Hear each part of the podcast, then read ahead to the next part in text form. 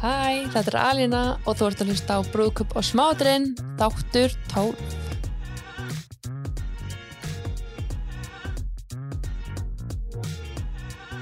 Já, þáttur dagsins er sko ekki að verri endanum, ég segja þér, en ég talaði við hann sérst Ingu Strömland, en hún er aðtapnastjóri hjá Siðment og það var ótrúlega gaman að fá að sittast niður með henni og tala um allt sem kemur að aðtöfnum. Hvað skonar aðtöfnir eru til, hvað er þetta að gera, hvað er gott af í huga, Um, og líka bara svona spjalla við hann og hennar einsinn inn í bara hvernig aðtöfni ganga fyrir sig, við fengum svolítið líka gott að um tímalínu og fá líka svolítið að sjá bara bak við töldin hjá siðment, hvernig það er að vinna með þeim, því að ég ætla bara að vera tótlir hreinskilin við þeim, ég vissi svolítið lítið um siðment, ég hef alveg heyrt af þeim og vissi af þeim og allt það. En bara náttúrulega maður er ekkert að vinna þarna og hefur ekki ekkert beint fengið að, fengi að sjá bak við tjöldin hjá þeim. En það var ótrúlega gaman að koma svona ferskinn og kannski bara svolítið eins og þú að spurja og spyrja hennum út hvernig er að vinna þarna, hvað snýst þetta um hver er kostur og gallanir, hver munur bara siðment og að gifta sér í kirkju? Og já það var bara ógæslega gaman að fá að setja sér með hennu og það var og hún sem að Uh, spurði mig hvort hún mætti fá að vera í þættunum að því að hún, henni fannst hérna podcasti mjög áhugavert þegar ég byrjaði að tala um það svolítið á Facebook og svo leiðis þannig að já, þetta var bara ótrúlega skemmtileg umræða og ef að þú ert líka með eitthvað fleiri spurningar um aðtöfnir eða eitthvað sem því að fannst við hafa glemt að spjalla um bara ekki hika við að hafa samband við hana hún er súper opinn, súper til að spjalla við þið hann er bara senda henni línu á Instagram eða hafa samband um mig og ég skal vera vissum að fá hana kannski á Instagram live eða eitthvað til þess að spjalla um eitthvað nánar ef það er eitthvað sem langar að spjalla meira um. Að því að eins og segi ég sjálf veit rosa lítið um aðtöfnir þannig að það var bara ótrúlega gaman að fá svolítið að svipast á baku tjöldin og heyra hennar hlið á þessu máli og líka bara að maður gleymir því svolítið hvað aðtapnir skipta miklu máli og maður er kannski svolítið allan að ég heyrði svolítið frá henni, henni fannst ég vera kannski rosa svona fókusur á vissluna og ég er alveg samanlega því, þú veist, mér finnst visslan alltaf mjög skemmtileg og það skemmtilegst í parturinn, þú veist, maður fara að halda upp á en maður gleymir því svolítið að maður er að halda upp á aðtöfnuna og brúðköpur sjálf, það er það sem maður er í raun að halda upp á og, og kemur í framhaldi af aðtöfninni, þannig að það er eitthvað sem var svona skemmtileg sjónum og gott að pæla í að njóta og vera í augnablikinu og líka gera aðtöfnina persónlega og eftir sínu höfði. Því það er eins og með allt hitt, það eru enga reglur þannig að hérna bara myndu það að þegar við fyrir með nýja þetta að það er enga reglur, þú getur gert það sem þú vilt og það er svo mikið meir í bóði heldur en það sem við höfum séð, þannig að um að gera gera sína hérna rannsóknarvinnu og líka bara finna fólk sem þið finnst áhugavert og spyrja það spyrunum út og, og fá einsinn inn í hvað er þetta að gera. Ef að þið líður líka sérstaklega ef að, að þú veist brúðköp eru ekki kannski fyrir þig, að ég held að það, það svona hugmynda, þær hugmyndir koma svolítið frá því að maður horfir á það brúðköp sem maður hefur farið um að hugsa að þetta er ekki ég. Og hugsa kannski ekki en það er hægt að gera það öðruvís og ég get gert það eftir mínu einhafði þannig að það er það sem er svolítið skemmtilegt í þessum þættum að fara svolítið að sjá svolítið það, það, þá einsýn en ég ætla líka bara að segja frá að hérna, talandum það eru yngar reglur. Ég er búin að vara að prenta rétti þessu bara mjög flott á taupoka sem að ég skrifaði á hérna, það eru yngar reglur því það er svolítið mitt motto núna nýrið að hérna, ég sérst að fara að setja skellargafirinn í þessa taupoka og fyrstu 50 sem mæta á opnarnapartíið mitt sem er 24. mars Takk þetta einn frá, það er komin Facebook-viðbörður, leitað eftir honum, ég setja hann líka hérna í sjónóts fyrir neðan. Endilega mættu á viðbörðin og hérna já, 50-50 fá veglega gafaboka og við ætlum líka að vera með geggjan gafaleik, ég er með fullta skemmtilegu fólki sem ætla að mæta og þú veist það verður blöður, það verður skreitingar, það verður þú veist rentapartí, það verður áfengi, það verður smakk, þú veist það verður allt annað og þetta verður geggjapartí, líka bara skemmtileg stemning, það verður tískusýningar líka með fallegum brúðarkjólum. Þannig að ef þið langar líka bara vera með eitthvað afsökun til að gera eitthvað brúðkasteint, hvort þú ert búin að gifta þig eða ekki, ég veit að ég, þú veist er langar búin að gifta mig en mér finnst þetta ennþá skemmtilegt, ógæslega gaman að pæli þessu og draga við með sem er kannski aðfara að gifta sig og, og lifa svolítið vicariously gegnum þá, þá bara endilega mættu og verður með og haldu upp á með mér og við getum skálað og hérna, teka skistuttaræðu eða eitthvað og bara já, ég er ósað spennt að sjá því endla mættu, þetta voru geggjað. Ég lagði til að sjá þá, en ég ætla ekki að gera lengra. Hoppum inn í þáttin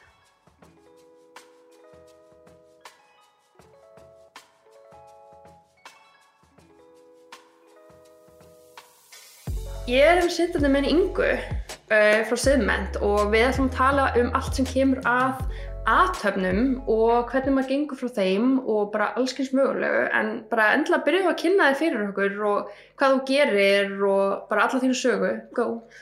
Já, alla mína sögur.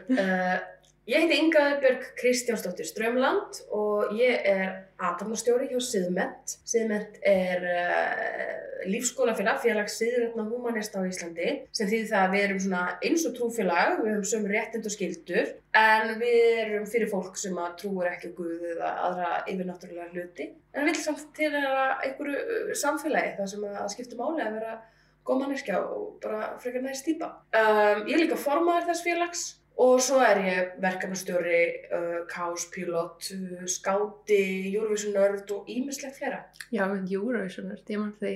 Senst Já, Eurovision. Það er mín stóra Já. trúarháttíð sem Nei, það er bara geggjað sko, ég elska, óklæð spennt. Það Mjög ekki spennt fyrir þá næstu Eurovision. bara eða? ríkala spennt. Það var geggjað. Já. Ertu ennþá samt fúl yfir því að við fengum ekki byggar fyrir... gríðarlega. Já, Þetta er mesta, mesta hermleikur bara. mesta harmleikur lífsmýns oh my god, ok. árið sem við hefum. Gefum okkur bara smá, hérna, sorgarstund. Takk fyrir. Já. Hérna, en talandi um, brúðkaup, það er þín svona setni ástriða, hérna, og byrjum bara á þessu mest praktíska, það sem allir þurfa að vita, bara hvernig giftir maður sig, hvaða pappir þurfum að ganga frá til þess að festa hjónabandið. Já, eða langar að gifta þig, þá þarftu náttúrulega maka. Það, er, það er gott að hafa maka sem Já. að vil giftast þér. Um, og svo þarftu að vera orðin átján. Mm Um, og svo ferðu bara á skrá.ri sem er vefur þjóðskraf og sækir þar um fæðingavottorð og hjúskapar stöðuvottorð. Og fæðingavottorð er, er bara til þess að, já, veitna um það að þú sést til, uh, um tilvist þína. Um, og hjúskapastöðuvottorðið er pappir sem segir að þú sést ekki gift einhverjum öðrum.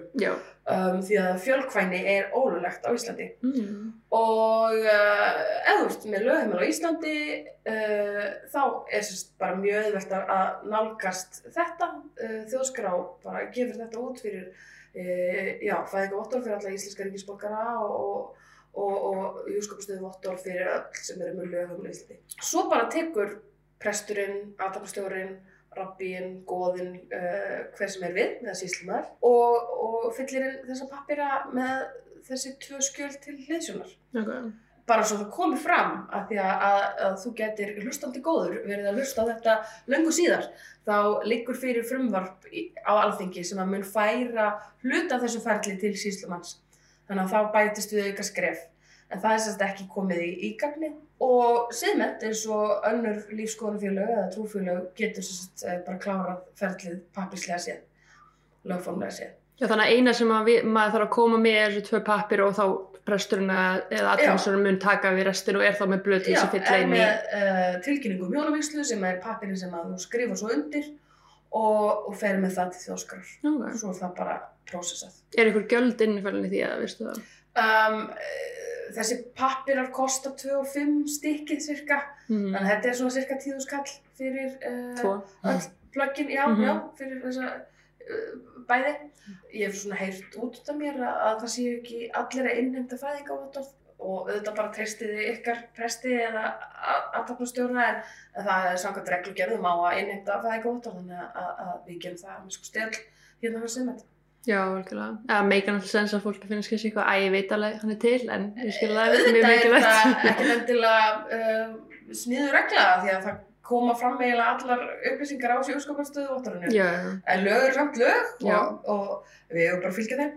algjörlega. Um, þannig að, já, þessi pappislegi kostnaður er, er, er tíðuskall frá þjóðskrár og þetta er bara innifalið í uh, kostnaðinum hjá okkur hérna hjá Sigmund. Ok, geggjað. Það er frábært að vita fyrir alla sem er að mynda að spáa hvað þarf að sækjum og svona. Þetta er nú ekki svo flókið. Já, þannig að þú, eins og staðin er núna með svo, því þarft ekki að fara og gifta þig fyrst í síslumanni eða eitthvað. Síslumanni í rauninni kemur sér ekkert við ef þú ert með lögum í Íslandi, Geggjað. enn sem komið er. Já, algjörlega. En næsta sem að ég var mjög forröndin og langaði mér svo ógislega mikið að spyrja þig er um þú svona allar svona mismunandi tegundir af aðtöfnum. Ég held náttúrulega, kannski við á Íslandi erum ekkert sérstaklega svona, ég veit ekki, djörf, við erum svolítið kannski bara í þessu hefðböðna, en það væri samt alveg gaman að heyra, þú veist, það eru til alls konar aðtöfnir og ég veit til dæmis um þetta, eins og ég þekki, hún gerði svona bindingaratöf þar sem er bundið tvo borða og það var ótrúlega fallegt og ekki svo, ég googlaði með hans til og ekki svo ég veit til að sé endilega einmitt eitthvað tengist einhverju trú, mér fannst það bara svolítið skemmtileg svona Mm. pælingin á baku það En getur þú mitt sagt okkur frá þessum helstu, þú veist, aðtöfnum sem að þú veist af, sem að getur verið skemmtilegt að vefja inn í sína eigin aðtöfn, sem eru kannski endilega, ekkert endilega trúalegar en geta haft skemmtilega meiningu. já svona tákgræn at, atriði inn í aðtöfn eða, eða ritualar eins og Mhm. uh, mann myndir kannski bara kalla þetta. Um, já, aðtöfnir hjá okkur, hjá siðmenn, þær eru uh, ekki trúalegar, það er ekki vísað í, í Guð eða en eitt slíkt og við erum húmanistar þannig að við fókusum rosalega mikið á einstaklingana. Sem sagt, parið sem er að fara að gifta sig uh, eða, eða barnið og fóreldra í nafngjöfum og hinn látna í útförum og fermingabarnið og allt það. Og, og það þýðir að aðdæmlunar okkar eru mjög klæðskera sniðinar. Við setjumst niður með fólkinu sem að umræðir og tökum alveg bara svona frekar djúpt viðtal við þau, hvað þau hérna, elski við hvort annað og hvað þau kynntust og hvernig bónorðið hafi farið fram og hvað þau þólikir við að búa með hverju öðru og og, og bara ýmislegt. Og fléttum úr þessu svona sögu parsin sem er svona megin upp í staðan í hverju aðtöfn og það sem að fær fólk til að, að hlæja og gráta og, og allt það. Um, og svo erum við með eitthvað svona síðan bóðskap um, um lífið og tilveruna og hjónabandi og allt það svo uh, tákranar aðtafnir oft um, sem getur verið eins og þú varst að lýsa svona það sem við kallum á íslensku tríðarbönd uh, heitir handfasting uh, á ennsku eða handfesta jafnvel.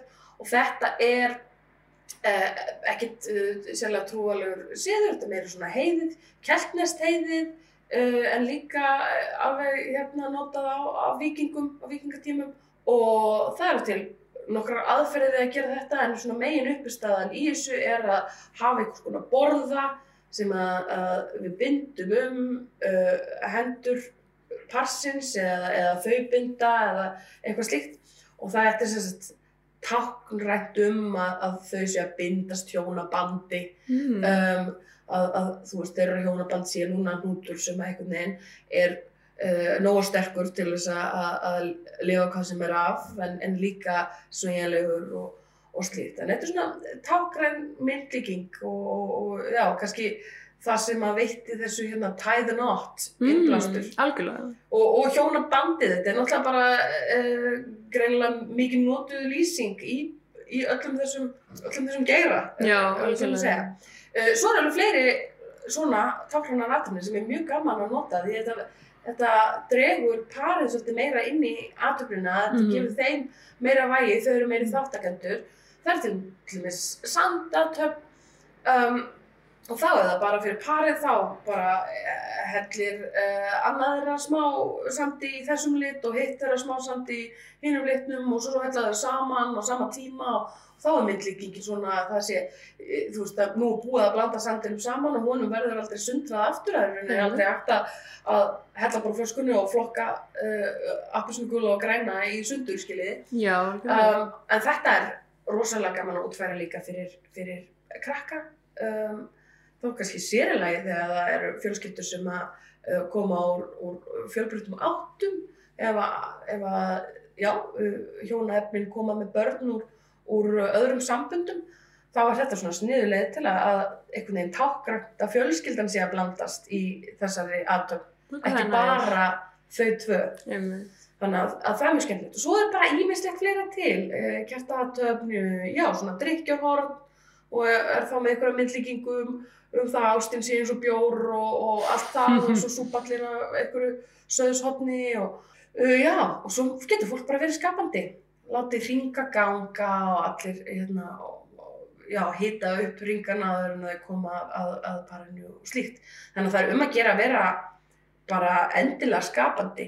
Uh, við á Íslandi erum kannski, já, svona svolítið steift í sama formi stundum, við erum svo lítill markaður að uh, fólk hefur kannski ekkert séð uh, að það sé hægt að brjóta upp með alls konar, en það er um að gera, að þetta gerir átöfnuna alveg rosalega eftirminnilega fyrir ekki bara parið heldur öll sem áhörðu. Já, algjörlega eins og þú segir líka bara að kannski jafnvel að mann langar að involvera alla sem er á staðnum að gera eitthvað svona meira skemmtilegt eða eins og segir að, að taka krakkana með inn í eða eitthvað því að það er ofta mitt bara svona frekar basic, þú veist, þú lappar inn, þú segir já og svo bara býður og svo ferðu, þú veist, að geta gert eitthvað meira er eitthvað Já, svona það sé að aðtöfnin ykkar, mm. uh, hún sé ykkar á þann hátt að hún sé endurspegli ykkur sem par, því að fólk er náttúrulega mjög mismunandi, um, sum fíla alls konar uh, væmið stöff og önnur fíla alls konar skrítistöff Já. og, og fyndistöff og, og við um bara einhvern veginn að aðlaga aðtöfnina að því. Algjörlega. Hvað finnst þér samt vera svo skemmtilegast aðtöfnin? Eða svo skemmtilegast aðtöfa tegundin? Æ, mér finnst svo sem bara alls konar náttúrulega skemmtilegar. Ég er svo heppin að, að um, mikið af erlendu fólki uh, sem að kemur hingað bara til þess að gifta sig, leita til mín. Þannig að ég fæ að kynnast fólki frá alls konar löndum og heyra hvernig þau kynntust og, og hérna hvað þau taka með sér í þetta ferðalag sem hjónabandi er. Uh, ég er líka með íslensku pör sem eru heima hjá sér í róliheitunum eða uppstríluð í sal með brúðabóa og, og sjö tákrunum aðtögnum og, og þú veist, þetta er bara aftur skalinn. Algjörlega. Mér finnst það bara yndislegt. Er eitthvað sem þú myndi vilja sem fólk gera meira af? Uh, Íslendingar eru feimnir við að vera með sín eigin heitirði. Mm -hmm. Mér finnst mjög sætt að vera með eigin heitirði. Það gefur parinu færi á að, að einmitt, já, taka meiri þátt og segja eitthvað frá hjartanu. Og ég held að sé alveg óþarf að vera með svona eh, mikinn framistöðu kvíða og rýtstíplu yfir þessu af því að ég ég hef aldrei hlustað heitir þið sem voru lélegt, skilur það, þau hafa verið mismunandi og mislöng og, og það þarf alls ekki verið langt. Um, en bara tala, segja eitthvað aðeins frá, frá hjartanu til hins einstaklingsins. Já, ég uh, væri til í að sjá fleiri íslendinga uh, leika sér með allar þessar takkarinn aðtafnir og slíkt. En aðalega vil ég bara hvetja fólk til að gera hlutina sínu. Hafa um, það í fyrirrúmi að, að það sé ekki einhvern veginn bundið í öllum þessum hefðum. Það, við sjáum það ofta okkur svona spjallopum á, á netinu og svona að fólk er hrætt við að stíga út fyrir hefðir. Það kom oft spurningar á, á brúkusumöndagrúpuna má svaramaður vera í öðruvísi jakkafötum eða má þetta? Í flestum tilfellum, en við sko eins og ég tali út frá okkar aðtöfnum Mhm. hjá siðmenn, þá má núna bara nánast allt Já, svona innan siðfyrslegara marka og að okkar aðtöfnastjóra fara ekki með trúalvegt efni en, en, en e, það má alveg ráða því hvort að þið standið þarna einu uppi eða einhver stendur hjá okkur eða í hvaða fötum þið eru eða í hvaða fötum ég er. Algjörlega. Já, ég er svo sammála því. Það er bara einmann, þú veist, allt sem að ég er búin að tala við fólk um að, að vera bara, mér finnst líka aðtafnir og sem að ég er alltaf að tala við fólk, aðtafnir og visslur sem að eru svo sannlega frábærar og það geggja andrumsloft eru um þessar aðtafnir þess að fólk finnur að þetta sé svo authentically í þetta par og þau eru að gera eftir sínum eigin, svona eigin lífi og það sem virkar fyrir þau en ekki þú veist, en visslur sem eru um þetta akkurat öfugt þess að fólki líður óþægilega eða er eitthvað sem þetta er vandralegt eða eitthvað að það er akkurat þegar fólk er of mikið eitthvað svona að reyna að setja sig í eitthvað svona brúðkaupsboks og er að reyna að fylgja þessum reglum sem að þeim líður eins og þau þurfa að fylgja en enda svo bara á því að vera svo flatt að því að þeir eru svona bara að þynga sig inn í þetta í rauninni. Já, já, það ganga á netinu alls konar checklistar og, og slíkt sem að fólk finnur sér knúið til þess að, að gefa rosalega mikið vægi Mm -hmm. um, eh, og ég, náttúrulega, auðvitað, ég er ekki, ég ekki hlutlaust þegar kemur á aðtöfnum, það er Mm. bara, það er lífsviður væri mitt, en, Mhm. en, en líka bara, mér, mér finnst það mikilvægt að við kannski stöldrum aðeins við og, og gefum aðtöfninni meira vægi, meira rými. Uh, stundum finnst mér fólk gleyma sér aðeins í sko servietturhingjunum Já, og svo bara fer það í næstu kirkju og, og aðtöfninni bara já. um, ef fólk vil fara í kirkju þá er það bara að sjálfsögðu í góðu lagi, um, ég er ekki að dæma það en þetta er og ætti að vera einhvers konar hápunktur á þessum degi. Mm uh, þetta getur verið margt líka sem er líka hápunktur en, en atomnin sjálf flýtur að eiga það skilið að hafa eitthvað vægi. Algjörlega. uh, því að þetta er vissulega lagalegi gjörningurinn það sem er það gangi hjónabandi þetta er líka svona upphafning ykkar sambands og, og þess sem þið standið fyrir. Og svo auðvitað fagnum við því rækilega eftir. Á, en já Já, maður þarf að muna að veislan er í rauninni veislan til þess að halda upp á aðtöfnina í rauninni. Já, Það er að halda upp á það halda maður búinn að- hjónabandið og, og, og ekki bara sko giftinguna heldur, heldur allt sambandið og engin tímapunktur uh, betri en akkurat þessi til að, að kalla saman allt okkar besta fólk og, og skemmt okkur rækilega saman. En, en já, aðtöfnin, mér er aftum að hún sé hápunktur, hún fari fram úr væntingum, uh, hún endur spekli fólkið og að fólk hugsi fara einhvern veginn frá aðtöfninni eins og það hafi lært eitthvað nýtt um þetta par sem að það er komið til að fagna um, og, og leið og brosa því að, að já, uh, það þekkti hva, því, það sem var verið að lýsa. Algjörlega. En hérna, þú varst aðeins búin að koma inn á áðan en það var alveg geggja að fá bara svona kannski svona bara mjög hérna nána lýsingu á hvernig það er um þetta að vinna með eins og bara þér og náttúrulega siðment, þú veist, hvernig er ferlið og hvað finnst þér um að skipta mestu máli í ferlinu þegar að vera er að skipulegja svona aðtöfn? Við erum með svona kannski kringum 40-50 aðtöfnstjóra hjá siðment sem er óbúslega fjölbreyttur hópur alls konar fólk uh, sem er bara einhvern veginn leikið í þessu að tóka sögur upp úr fólki, skrifa flotta ræðu og flytjana. Og maður kannski byrjuð að bráða í fyrstu skrefið, hvernig er best að velja sér sinn aðtöfnastjóra? Af því þeir eru svo mörg, þú veist, það er kannski misvundið það ekki hvað, hver passar fyrir hver. Já, einmitt, og það er það, það, er það dásamlega, sko, að það uh, er svo fallegt að, að, að einhvern veginn, þú veist, aðtöfnastjórnir eru svo fjölbreyttir, en pörin eru líka svo fjölbreytt og það sem hendar einum, hendar kannski ekki til öðrum. Uh, þú veist, Selma Björns er til og með stókustur aðtöfnastjóri, en það hættar ekkert öllum að selva bjössi aðtæmstöru þeirra. Nei, nei. Ég er bara mjög fær aðtæmstöru, það hættar ekkert öllum að ég sé aðtæmstöru þeirra. Þannig að það er bara mikið frambóð af alls konar fólki, hvort sem þú veist, fólk sem stelur aðtöklina eða fólk sem gefur aðtöklina eða, eða hvað sem er. Um, og það er hægt að sjá bara lista yfir aðtæmstörun okkar á, á síðun okkar, síðan.is. Uh, ef að þið eru mjög óvissum hver, hvaða aðtæmstjóra þið viljum velja, hendar ykkur, þá getið þið ringt bara ykkur á skrifstofuna og, og spjalla eins við starfsfólki og líst því hverju þið eru að leita og fengið ykkur hugmyndir. Uh, svo náttúrulega þarf við komandi að, að vera laus þennan dag og komast á þannan stað og allt það. Um, svo bara bókið þið að döfn og, og skrifstofan tengir ykkur við aðdæmastjóra. Þið getur líka haft samband við aðdæmastjóra fyrra bræði en, en þetta endanum fer þetta allt í gegnum skrifstofana.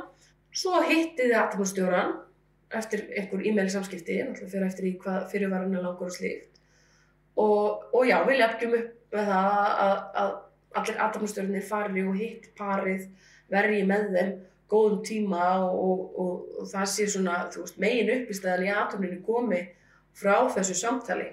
Þannig að mér finnst það mörguleiti þetta viðtal sem ég tek sem er kannski 90 minútur, 2 tímar, 2 og halvur, uh, vera uh, einn af stærstu þáttunum. Þannig er ég að fá allan efni við þinn sem að ég uh, vinn svo með og, og bý til alveg þeirra aðtöð í þeirri vonað að það komi að minnskusti þrjár manneskur upp til mín og segja Vá, hvað ertu búin að þekkja þig lengi? Já, um, og það er nefnilega ótrúlegt hvað maður getur fengið mikið af Uh, insýn og, og efni á, á svona stundtíma. En ég er alveg sammála því líka bara að þetta, þetta kemur svo mikið með tímanum svona þessi sko fólk vann með það að vera með þann hæfileika að grípa svona mikilvæga þætti og spurja rétti spurningarnar og allt þetta, þú veist að það er svo geggja að vera með fólki, þú veist eins og ég sé það bara sjálf í mínu starfi líka þú veist, er að, er að grípa þetta svona hvað skiptir ykkur máli og spurja réttu spurningarna þannig að maður ná að fá fram það sem skiptir þau máli. Því ef maður er ekki bara að spurja villis spurningarna þannig að fólk heldur segja að ég veit það ekki eða að ég veit, þú veist, að þetta og þetta. Og kannski maður næri ekki neinu upplýsingum að þá er maður að reyna að spurja vittlaust en að geta spurt rétt, fengi réttu svörun og svo gert það sem þú segja, svo mætt og farið fram á væntingum að það er virkilega veist, þessi hæfileiki sem að maður er að ráða mannesku með svona góðan hæfileika í Já, já, það er náttúrulega, þú veist, það hefur fæst í vöxt að fólk sé að fá vini sína til að, að gifta sig, að ferða fyrst til síslumanns og, og svo kemur ykkur vinur og stýra aðtöfninu og það er frábært, ég er mm -hmm. alls ekki að tala gegn því, mm -hmm. alls ekki, það uh, með öll gera það sem þið vilja, en það sem við bjóðum upp á, okkar frambóð er að við erum einstaklingar sem eru velþjálfaðir, mm -hmm. uh, sem er fagfólk í þessu sem að uh, tekur eftir litlu smáatriðunum og núansunum og kann að, að, að sko mála þessa mynd sem þessi afturinn er sko. Og eru þið þá líka í þessum viðtölum að mæla með eins og við vorum að tala um að kannski hvernig maður getur kannski spæsað upp aðtöfnina með einhverjum svona, þú veist, einhverjum skemmtilegum, þú veist, eins og segir svona, förum yfir öll þessi praktísku atriði og svo er bara svona kannski svolítið eftir því hvaða aðtapnastjóru þú velur Mhm. hversu mikil áhersla er lögð á þessar tákgrænu aðtapnir, það er Mhm. alls ekkit allra. Um, ég held að allir aðtapnastjórar uh, verði nú við óskum um, um tákgrænu atriði. Mhm. en það er kannski mismöndi hvort þið halda því að fólki. Um, já, mér finnst viðtalið einn af mikilvægastu þáttunum í þessu ferli. Uh, ekki bara af því að þá var ég efni við sem aðtapnastjóri heldur ég að því að ég held að þetta sé bara ríkilega gott fyrir parið að setjast saman stuttu fyrir aðtöp og raunverulega fara gegnum það spurningar eins og af hverju vil ég giftast Mhm. þetta er svona svo spurning sem að kannski flest uh, hik eitthvað á og er ekki með skýrt svar við þannig ég held að þetta sé bara líka svona uh, verðmætt sko markþjálfunar algjörlega. fyrir, fyrir þessi tvö sem maður fær, að fær mann til að svo þetta. hugsa líka, þú veist, eins og þetta með alveg, já, af hverju erum við ekki eftir okkur Já. og af hverju langar okkur á, og maður er kannski líka með mismunandi ástæður og þú veist, sumir eins og segir kannski mjög praktískir, bara eitthvað, já, þú veist, ganga frá þessu og aðrir er kannski bara með einhverja romantískar hugmyndir og það getur Algjörlega. verið, þá eins og segir, þá gefur mann líka einsýnin í svolítið parið, hvaða típur þau eru, eru þau enna fyrir út af praktísku hliðanum eða hún þessi romantísku hann þessi, þú veist, praktíski eða öfugt, þú veist, og að fá svolítið eins og segir svona einsýnin hjá fólki og fólk getur þá líka að fara heim og vera bara, já, áhugaverð umræða, áhugaverð pælingar. Já, þetta snýst náttúrulega allt um það að lesa þau sem einstaklinga og hvað þeirra húmor liggur og, og, og hvað þeim finnst mikilvægt að draga fram einhvern veginn. Um, og, og það að vera að plana giftingu og giftingarháttíð og allt, það, allt í kring. Þetta er, er brjála álag Mm -hmm. uh, og í rauninni engin tími betri til þess að setjast niður og telja upp kosti þess sem að þú ert að fara að giftast sko og, og minna sjálfa þig á að, að já, ég er í þessu hjónabandi eða ég er að fara í þetta hjónaband, gangi þetta hjónaband af því að, að hún er svo stuðningsrík og, og dásamleg og, og sniðið og fyndin sko. Og hvað gerur svo í framhald þér? Þá taka nótur og eitthvað og eftir það er svo búið til eitthvað efni Já, svo sest ég bara yfir allt þetta efni sem ég safna, sem að í mínu tilfelli ég, ég tek nótur á, tölvu og bara marga blaðsjöður af, af uh, mjög illa stafsettum texta Mhm.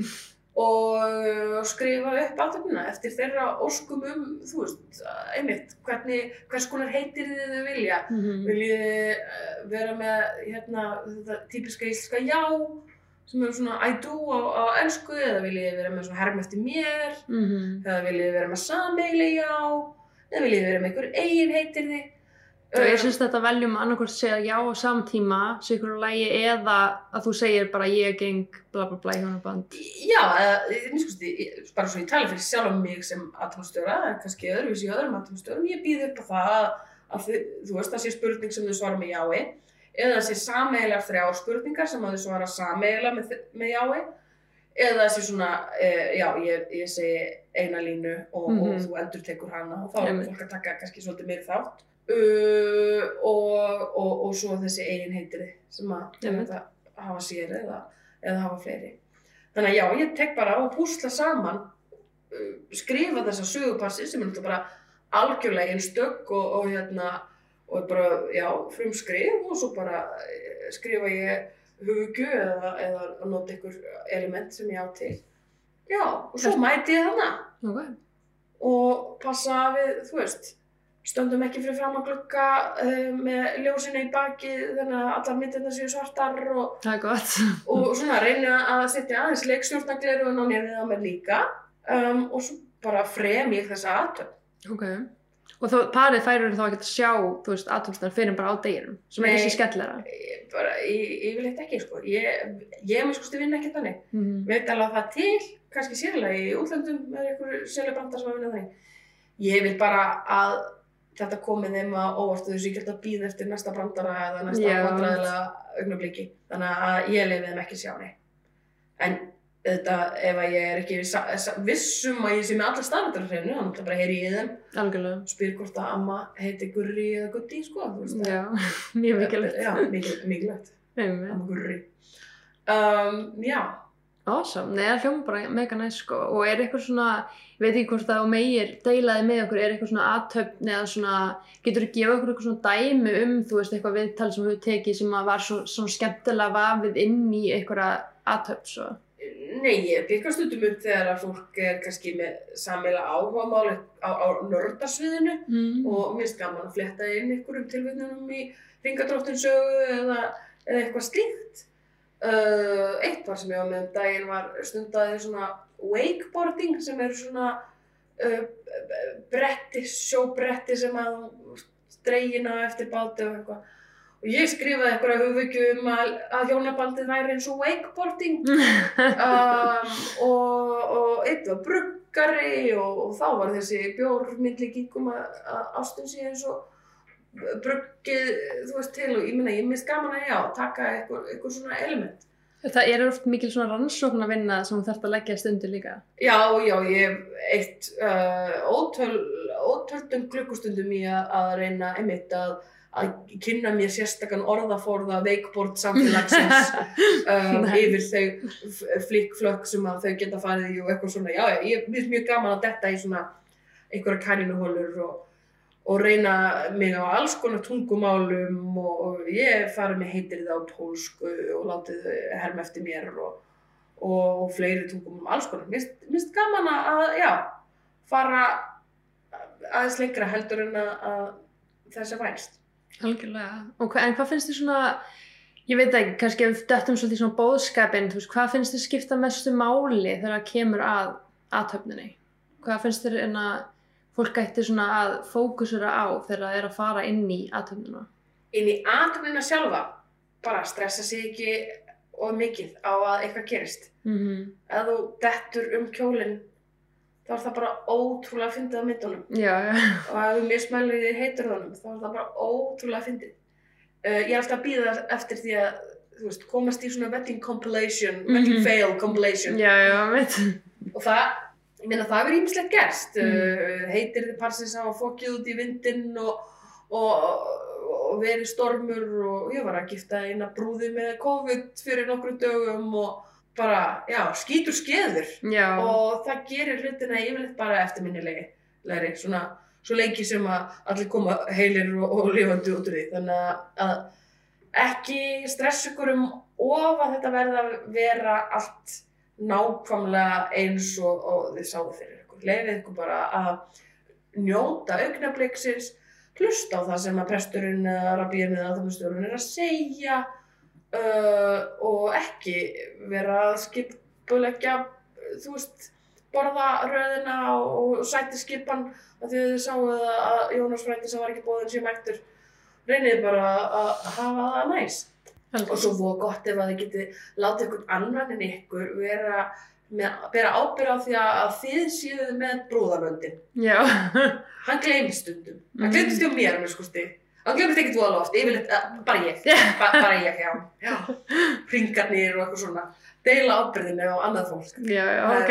er líkilatri Læra af þínum eigin mistökum. já, læra, læra mínum veistum Mhm. En hvað finn, finnst þér vera eitthvað svona, getur þú nefnt eitthvað svona mistök sem þið finnst vera algengt að fólk sé að gera? Er það alveg bara stressið? Nei, ég upplýði ekki að fólk sé að gera neinn mistök. Ég, hérna, það bara tekst ekki að setja hringin allan leið Mm í nánast hverju einasta tilfelli. Það er bara allt í lagi. Það er bara mjög fyndið -hmm. að fólk sé þarna eitthvað að bisa við það og sleikjandi fingurinn á hverju öðru til að reyna tróðanum lengra. Uh, ekki hafa áhyggjur af því. Nei. Ekki stressast upp til það. Nei, en eins og þú segir, kannski aðla bóðskapurinn í þessu er, er að ekki vera um of bara miklar væntingur um að þurfa fullkomið og að leifa þessu svolítið bara að vera í núinu eins og allir gestinir og, og leifa þessu bara að rúla. Ekki vera með of nákvæmar væntingar. Mm -hmm. verið þetta með venjulega væntingur um að dagurinn verði góður og, og, og hérna, ánægilegur en, en þú veist, ef að það gleymist að gera eðluna á miðnætti uh, ég er alltaf að tala út frá minni eigin núna uh, það bara er það þannig Já. og hérna, það skiptir engum máli í stóra saminginu Mm algjörlega. En í hverju er, ég veit, ég veit ekki hvað þú datt upp í þessum, en í hverju ert þú venjulega í, í aðtöfum? Ég sem aðdæmastjóri er svo óbóðslega heppin að ég á upplutt Mm. þjóðbúning, íslensku þjóðbúning Ah, næs. sem að uh, ég í rauninni fæ í gjöf frá formaðurum mínum uh, þannig að, að silfur hérna glingrið sem er á honum er, er sko 150 ára gamalt Vá, og, og bara uh, þetta er svo óbærslega mikið forréttindi og hann var sveimaður á mig þegar ég var lítil og, og kristinn og ferndist kristilega þannig að ég get búið upp á það að ég sé í honum og mörg þykja það. Eiginlega öll börn nema samkynniðir kallmenn sem hafa ekki smekk fyrir það. Nei, áhvert. um, þannig að það er bara það sem ég er í en ég meina annars er ég bara í einhverjum annarkvort látlusum kjólum eða yngulegum kjólum eða, eða í rauninni hverju sem að þið viljið að ég sé í. Það er þið sem eru að borga 400 skall fyrir ljósmyndina ljósmyndina sko. Þannig að ég bara ef, þú, ef þetta er eh, svona nútusta gifting þá kannski ekki í janúar út í við en, en Nei, ok. annars er til, En annars er þetta alveg ofnandi. já, já, já, ég er bara mjög sveigjanleg. En mörg þykja það að ég sé í þjóðbrugnum, hann náttúrulega gerir mig svolítið svona hátíðlegri, uh, ég er nokkuð auglúslega ekki ein af gestunum og, og svo leist þannig að mér finnst þú að gott að fara í hann, svona setur mig í ákveðin spór. En aðalastjóðar síðmyndar eru nú bara eins og gengur í alls konar sparið fötum eða, eða bara í þeirri stemmingu, ef þetta er sveitabrúkup með í lópapessum skilur þá getum við bara mætt í lópapessu hvernig sem þið viljið sko. Algjörlega. Ertu venjulega þá líka með einhverja bók eða eitthvað, þú hlýtur að vera að lesa eitthvað, þú veist ekki að leggja þetta allt á minnið það? Nei, ég er ekki að tala blaðalaust. Uh, bæði væri það mikil vinna að, að, að leggja allt á minnið, en svo væri líka bara svo hættulegt að, að það, væri, það er svo auðvelt að gera vittlisur og fara mm. rátt með og, og það er svo mikið í húfi, fólk verður svo hrikalega sárt ef að ef að aðdæmastjórin segir vittlust nafn á hjónaefninu uh, einu sinni lendi, það var hrikalegt auðvitað konan uh, það er sérst nafni hennar. Já, ég, ég bara sagði það rétt alla aðtöfnum og svo sagði ég bara eitthvað kolvittlust nafn í viðri aðtöfnum. Oh. En svo sagði ég það bara viljandi nokkur í viðbútt og þá lóða allir. Ok. En, en það var alltaf læg, ég held ég hafi rétt að mér út úr þessu. En hérna, um, nei, þannig að ég er bara með þetta í möppu. Sumir eru með þetta í einhverjum kindlum og brettum og eitthvað. Ok, nei. Uh, við búum ekki svo vel að, að vera með svona einhverja biblíur eða eitthvað slíkt sem við erum að, að lesa úr og, og textin er náttúrulega ekki, ekki svo standardiseraður Mm að við getum uh, nota neitt slíkt þannig að, að bara ég er brent út fyrir hverju atom þess að einstöku atom Hvað er svona eitthvað sem að aðtapnarstjóður gerir sem að myndi kannski koma fólki óvart að þú veist, væri innifælið í starfshlutverkinu? Ég held að fólk sem hefur ekki farið í svona aðtöp fatti ekki fyrirfram að við séum að fara að halda svona uh, mikla ræðu um þau sem par. Hvað þetta er klæskarsnið. Uh, ég held að fólk átti sig ekki að því. Af því að, að þó, þó sum prestar gera það auðvitað, um, það gera ekki allir prestar, uh, kannski minna klæskarsnið svona uh, í, í, í mörgum tilfellum, alls ekki öllum, margir prestar sem að leggja sig fram sko. Þannig að ég held að það komi svolítið fólki á vart. Og það sem kannski bara helst kemur fólki á óvart það eru oft eru jafnvel einhverjur einstaklingar sem að líst ekkert á þetta getur ekki bara gift því í bestastæða kirkju en svo við móðinn og, og ammaðinn og afiðinn og langafi og langafi uh, þannig að, að hérna, við komum oft skemmtilega óvart fólk hefur væntingar um það þetta verði ekki eins hátilegt og, og kristilegt gifting eða, eða eitthvað slíkt. Þetta á kannski sérstaklega við í nafngjöfum líka. Mm Uh, fólk hefur miklar væntingar um það að þetta verði ekki eins og í skýrn Mhm. um, en verður svo bara, já, svona pleasantly surprised. Verða, verða glöð með það að þetta hafi verið bæði hátilegt og einilegt og einilegt og... Þannig er í rauninu hægt að fá svona aðtapnarstjóra í hvað aðtöp sem er sem hann er dettur í hug sem væri venjulega kristileg eins og skýrn eða brúðkaup eða Já, við erum með þessast nafngjafir, við erum með fermingar,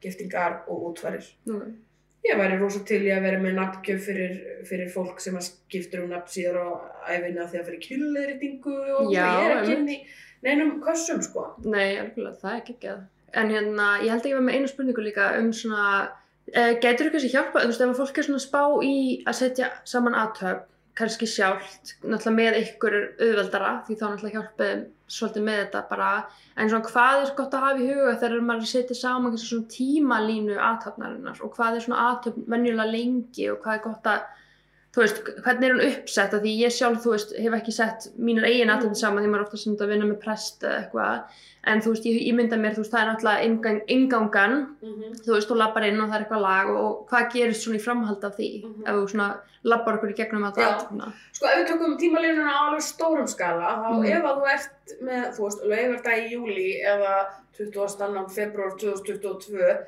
þá skaltu bóka með góðum fyrirvara, mm uh, það hefur ekki orðið messufall hjá okkur ennþá, við höfum alltaf getað út við aðtapnastjóra, en, en þú vilt fá eitthvað sérstaklega, eitthvað, já, aðtapnastjóra sem að þig langar að velja og slíkt, þá er gott að bóka með góðum fyrirvara. Um, og svo þarftu náttúrulega þessi plögg frá, frá þjóðskar og slíkt og það getur tekið nokkar daga -hmm.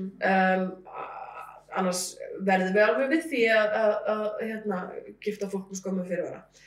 En svona á deginum, þá, uh, já, uppbygging aðdöfnarinnar er cirka hjá mér, það er kannski svolítið mismunandi eftir atmosfjörum, en, en hjá mér er eingangur, uh, parið gengur inn eða, eða við bara hefjumst handa, fyrir náttúrulega eftir eða það er ekki gestir eða fáir gestir kannski er ekki ekki svona dramatísk brúður leita föður eða, eða slíkt og þetta má fólk gera það nákvæmlega eins og það vil. Svo, og þá í inngangnum fer ég yfir það hvað ég heiti og, og við erum stödd hérna á þessum stað og, þetta er humanísk aðtöfn. Uh, svo fer ég yfirleitt yfir í sögu parsins uh, og, og bara byrja yfirleitt á því hvað þau kynnast og, og, og bara fer svo, já, á, á, í það. Það er svona alveg góður rúmur eitt þriði kannski af atominu svona tímalega sér.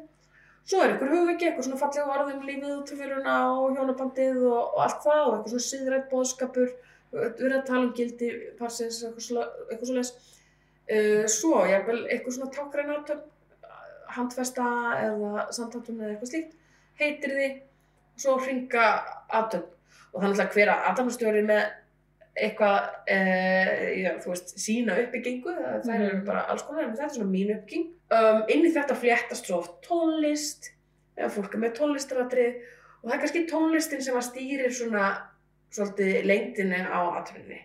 Uh, ef það er engin tónlist þá er þetta oft kannski korter eða eitthvað, það er ofta bara frekar stutt uh, en, en samt alls ekki of stutt, þó korter virki stutt, þá er það alls ekki stutt um, og svo er tónlistin náttúrulega lengi þetta alls saman.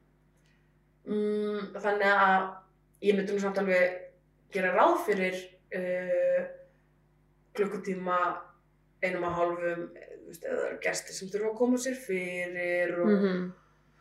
og svo þarf að að fara og sækja brúðavöndina því hann glemdist og stóðu bara heima og eitthvað Mhm. svona, þú veist, það, þannig að hérna, já, ég myndi nú alveg yfirleitt gefa, gera ráð fyrir klukktíma í, í svona prógraminu. Algjörlega, já, náttúrulega eins og segja það, fólk þarf að koma sér fyrir og svo, þarf, svo líka ef eitthvað tefst í undirbúningnum og þú ert að gera það til og þá þarf maður að gera ráð fyrir því. Og svo náttúrulega eins og þú segir tónlistin og náttúrulega ef að fólk vil koma og segja ykkur orð eins og sömur hafi verið með vini eða Já, já, eitthvað svolítið sem vilja segja eitthvað eða ljóð eða eitthvað ég vel heyrst um það. algjörlega, eitthvað svona upplestur og einhverju, fallegu. Um, og hjálpið þið líka alveg við það, þú veist að fólk vil gera eitthvað svoleiðis að finna tíma Já, fyrir það og hvernig best að svona Já, byggja já. það upp. Já, og, og viljum bara, já, einmitt, gerðan vera með í ráði með það hvað Mhm. hvað stíft er inn í atöfninni. Um, og svo náttúrulega, þú veist, eftir atöfn þá er allur gangur á því hvað gerist, hvort það sé skála í kampavíni eða hvort að pari láta sig hverfa eða hvernig sem það er, en, en það getur oft tekið tíma bara í því að allir sé að knúsast og, og eitthvað svo les. Hvernig er svona svona venjulegur dagur hjá þér þegar þú ert með aðtöp? Þú veist, hvernig lítur dagurinn út? Ég er rosa mikið með fólk sem kemur frá öðrum löndum og vil gifta sig í, í, henni stórbrotnu og stórkostlu íslensku náttúru. Þannig að ég þarf oft bara að vakna snemma og, og keira eitthvað undir eigaföll eða á menn. Um, þannig að ég hlusta rosa mikið á hljóðbækur og eitthvað svona fantasýr á leiðinni og bara það eiga að gæða stundum alveg í, í, bílunum mínum. Um, en ég minna stundum er ég með fleiri en eina og, og það er bara allir gangur á þessu. Það er hérna, fólk Íslendingar náttúrulega gifta sig eiginlega bara. Já, uh, útlendingar gifta sig eiginlega bara ekki á lögutum þá var bara hótelið og, og ljósmyndarinn og allt stýrara þannig að það er svolítið bara virkum töm þannig að þetta dreifist ágætlega fyrir mig. Næs. og, og svona það sem að kalla sísonið er að sífælt að tegja sig lengra. September og oktober voru bara mjög stór mánuður. Um, sem er bara gleðilegt af því að það geta ekki allir gift sig uh, annan lögadag í júli Nei, nei, veit. við önnum ekki mörg hundru pörum þá Nei, nákvæmlega. En líka bara gaman eins og ég segi alltaf fólk að hugsa bara hvaða ástími þér finnst skemmtilegur og fær þér gleða. Ég sé alveg stundum eftir því að hafa um gift mig á sumri til að því mann er leiðið einhvern veginn eins og bara það er það sem maður á að gera og gera það allir því ég er miklu meiri svona haustmanniska og fíla Já. miklu meira þú veist, kósi kertaljós og, og svona bara þess að haustliti í rauninni segja alltaf mjög sumarlega skemmtilegt en ég er alltaf mjög spenntur að fara að hausta Mm. og Þannig að þú veist, maður þarf líka bara svolítið að hugsa þannig held ég, þú veist, að finna tíma sem að þér finnst kósi og gaman að vera á. Að þur, svo plústa eitt sem að ég feila á var að gifta með hann að hápunkti sumarsins og svo ef maður kannski ætlum að fara til útlanda á, þú veist, halda upp á brúkusamalið eða fara í brúkusferð og það er bara náttúrulega allt fullt af túristum alls staðar. já, Þú veist, þannig að maður er bara Já. svona, ó, hugsa ekki alveg út í þetta, þú veist, fyrir og- framtíðin að gera. og gott að passa upp á uh, til dæmis uh, eitthvað svona fótboltamót Já, og með slikt þegar það eru heimsmestramót og Evrópumót og svona að þú giftir þig á sama hversu mikilvægur fótbolt er í þínu lífi veist, mér, finnst hann leiðinlegur mér, finnst hann bara samfélagslega neikvæður, ég bara nenn ekki fótbolta en það skiptir einhver máli því að einn þriða gestunum mínum mun vera með síman undir borðið að fylgjast með leiknum ef þetta er Já. á sama tíma. Já, Þannig að svona- það er pæla, pæla í dagsinningum fyrirfram uh, ég mér finnst það langt skemmtilegast að vera úti. Mm já, með útigiftingu í, núna í vikunni og fyrir þau eitthvað sem er að hlusta síðar þá er sem sagt snjóstormur í gangi. Ég þurfti að gera söðustrandavegin svo ég kemst Já, í hveragerðis. Tók mér tvo tíma um, og en úti var bara alveg málið af því að það var það er svo fallegt sko. Uh, og einhvern veginn, svo margir fallegir staðir Þú getur líka fundið bara flotta hella eða eitthvað svona staði sem eru í skjóli, eitthvað um skói eða eitthvað. Íslandingar eru voða hrættir við að fara út, hrættu að vera kallt og hrættu að þetta verði erfitt og eitthvað svona. Útlendingar eru ekki nóg hrættir, það uh, Nei, kannski, hérna, mættu aðeins gera sér grein fyrir aðstæðum hérna á Íslandi. Um, Þannig að já, að fólk hugsi út fyrir kirkjubyggingar uh, væri gott fyrir sum. Algjörlega. En hvað myndir þú segja væri svona kannski þinnst svona mesti styrkleiki sem aðtapnastjóri? Svona af hverju ætti, þú veist, ef við, ef við leifum, gefum þér smá svona pitch time, þú veist, af hverju finnst þér fólki ætti að velja þig? Eða hvers konar fólk myndi kannski fíla þig? Ah, sko, nú er ég formið að semendar og mér Mhm. mér- mér er mjög mikið í mun að þið velja alla aðdæmastjórun okkar af því að þau eru frábær. Fólki sem að velur mig, ég held að það velji mig af því að ég er fyndin, finnst mikilvægt að segja brandara, uh, svolítið marga helst og hérna leika mér á orðunum og slíkt. Um, þannig að já, ég held ég sé svona bara svolítið lifandi karakter, það fer ekki lítið fyrir mér. Ef að Mm. þið viljið eiga ykkar dag og vera í algjöru sviðsljósi, þá er ég ekkert endilega rétt einstaklingurinn. Mhm. uh, til bara, já, aðdæmstjórar sem sem að gefa meiri aðtegli heldur en uh, takana, ég aða til að taka hana. En fólki getur líka fundist það bara gott af því að það er stressað og veit ekki sjálft hvernig sviðsljósi og, og þá bara fínt að aðdæmstjórin hérna sogi að sér allt ljósið.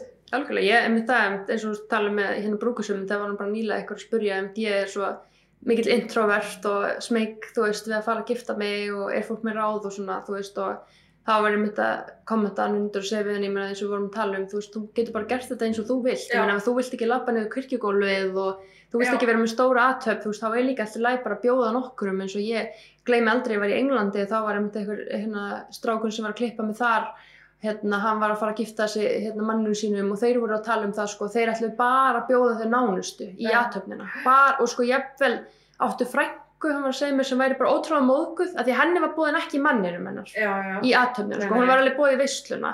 En henni fannst það bara absúrt, sko, og þau voru bara, já, við þekkjum hann ekkert, við veist, við höfum ekki hitt hann þá oft, við elskum þig, við erum náðum þér og við viljum hafa þig og þannig, þú veist, og ég hitt hann eftir og spurði hann svo, þú veist, já, hvernig gekk og svona, hann sagði að þetta væri bara, bara fallegast aðtöfn sem var í eiga, þetta var svo persónulegt, Já, já. þú veist, það var bara nánasta fólkið og bara þau sem þau þekktu mjög náið og þau fengum, þú veist, gáttu verið meira þeir sjálfur og þetta var, þú veist, allir voru miklu meira líka til í að gráta því þú veist, það voru allir svona þeir þekktust. Og þetta, sé líka hvernig fólk var að taka til sín, þú veist, ef þið eru eitthvað smegt þá þarf ekkert að bjóða öllum í veisluna og aðtöfnuna, það er líka alltaf lægi bara að bjóða litlum hópi í aðtöfnu og hafa bara nána aðtöfnu og eins og segir, ekki endilega lappin kirkjugólfi, bara koma saman og þú veist, segja já og, og búi og eins og segja, fá sér kannski aðdæmastjóra sem að tekur svolítið aðteklina frá þér ef þér finnst það að vera óþægilegt og þetta þarf ekkert að vera eitthvað svona þú er center of attention og það er ekki það sem að þú ert að leitast eftir. Nei, og þetta er bara rauði þráðurinn í öllu sem við erum búin að vera að segja í dag, er að bara gera þetta að ykkar. Mm -hmm. Þið hafið valið uh, og ef einhver ætlar að takmarka það val, þá bara leitið ykkur annað. Algjörlega. Ef, þið megið ekki hafa aðtöfluna eða veisluna eða, eða eitthvað eftir einu höfði því það eru einhverjar reglur eða, eða kennisetningar eða eitthvað sem einhvern veginn uh, takmarka það, þá bara er kannski komið tíma til að skoða eitthvað annað. Já, eða eitthvað ego líka, er þetta eitthvað þannig, bara eitthvað, já, nei, þetta er ekki, þú veist. Þannig að, þú veist, ég lít á mitt hlutverk bara sem þjónustu hlutverk. Ég bara er að þjóna þessu pari og ég reynir bara að stilla mig inn á þeirra hugmyndir um þetta allt saman.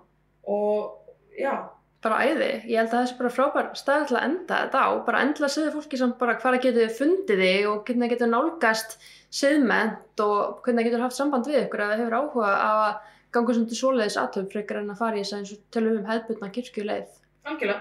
Já, við erum að, bara á hennu uh, stóra alneti á siðment.is og þar er hægt að finna svona flestar upplýsingar, annars er bara fólki alltaf uh, velkomið að hafa samband við mig. Ég, ég er um, inga.strömland.is og já, Með Instagram líka eða ekki?